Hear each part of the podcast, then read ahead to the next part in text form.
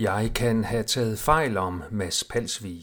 Velkommen til Brandgård Avisen nummer 279.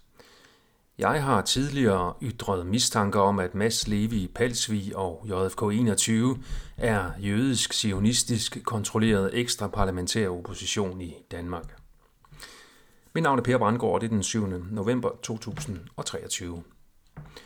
Jeg og andre har bemærket, at Mads Levi Palsvig i kølvandet på Israel-Hamas-krigen for første gang for alvor er begyndt at kritisere Israel og sionisterne. Det har han gjort i flere indlæg på Twitter og nu også i JK21 nyhedsbrev med fokus på Gaza. Mads Levi Palsvig påpeger blandt andet dokumentationen for, at Hamas er skabt af Israel, at Israel lod 7. oktober angrebet ske, og at der sådan set er tale om et falsk flagangreb. Det vil glæde mig, hvis mine mistanker om Mads Levi Palsvi og JFK 21 er forkerte. I samme nyhedsbrev anbefaler han dog fortsat den supermilitante sionist Robert F. Kennedy Jr. Det er også bemærkelsesværdigt, at han fortsat ikke nævner den bedst dokumenterede og for de dybe magthavere farligste konspirationsteori om Israel, nemlig at det var Israel med islamister i rollen som søndebuk der stod bag 9-11-angrebet på USA, og derved startede hele den globale krig mod terror. 9-11 var ikke bare et inside job, men et regulært israelsk sionistisk falsk flag terrorangreb på USA, gjort muligt af blandt andet dyb infiltration.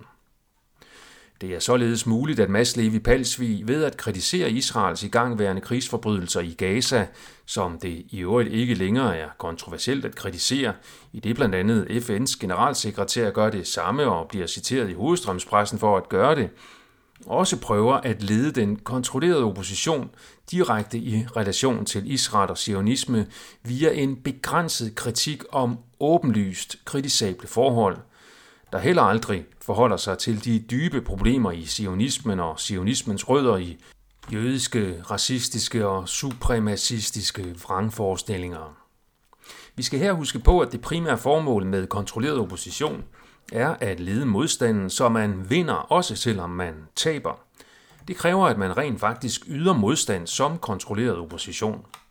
Det skal bare være af den rigtige slags, som giver mulighed for, at man kan opnå målet via plan B. Det er her gavnligt, hvis aktuel kritik af Israel bliver ytret af nogen, som lidt kan kategoriseres som konspirationstosser, ved at inddrage andre aspekter af det samlede billede.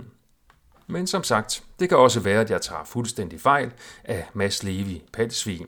Jo flere der oplyser om og kritiserer Israels igangværende folkemord mod uskyldige mennesker i Gaza, des bedre.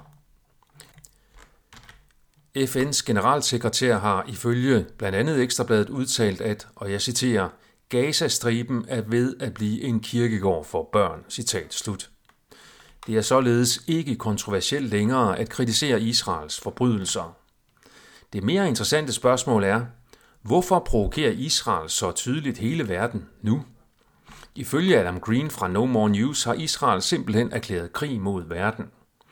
Det er også bemærkelsesværdigt, at FN først begynder at kritisere Israel nu, efter de i årtier har set gennem fingre med Israels overgreb på palæstinensere og ulovlige grænser. Apropos Israel, så påpeger en ny artikel i Off Guardian, at Netanyahu nu faktisk står bag to folkemorderiske forbrydelser. Det er nemlig ikke kun folkemordet på palæstinenser i Gaza. Det er også folkemordet på israelere via Hamas. Flere og flere israeler har erkendt, at Netanyahu-regeringen lod Hamas angribe og dræbe uskyldige israelere den 7. oktober. Det er en af grundene til, at der er massive protester fra menige israelere foran Netanyahus bopæl. Da det ikke er første gang Hamas dræber israelere, så er Israels forbrydelser mod sit eget folk endnu større end 7. oktoberangrebet. Samtidig falder sportsfolk stadigvæk om på stribe, men nu taler vi jo ikke om bivirkningerne til coronavaccinerne længere. Tværtimod sidder ældre og sårbare danskere i kø på landets apoteker og venter på at udvise samfundssind og beskytte sig selv med de helt sikre og effektive stik. Jeg kan ikke lade være med at tænke, hold da kæft, det er smart krigsførelse det der. Det kan selvfølgelig også være, at jeg har en tendens til at se den værste ondskab bag facaden og de dybeste bedrag, som måske slet ikke er der. Det er derfor vigtigt, at vi lader os informere af fakta og ikke kun vores følelser og kognitive tendenser til mønstergenkendelse.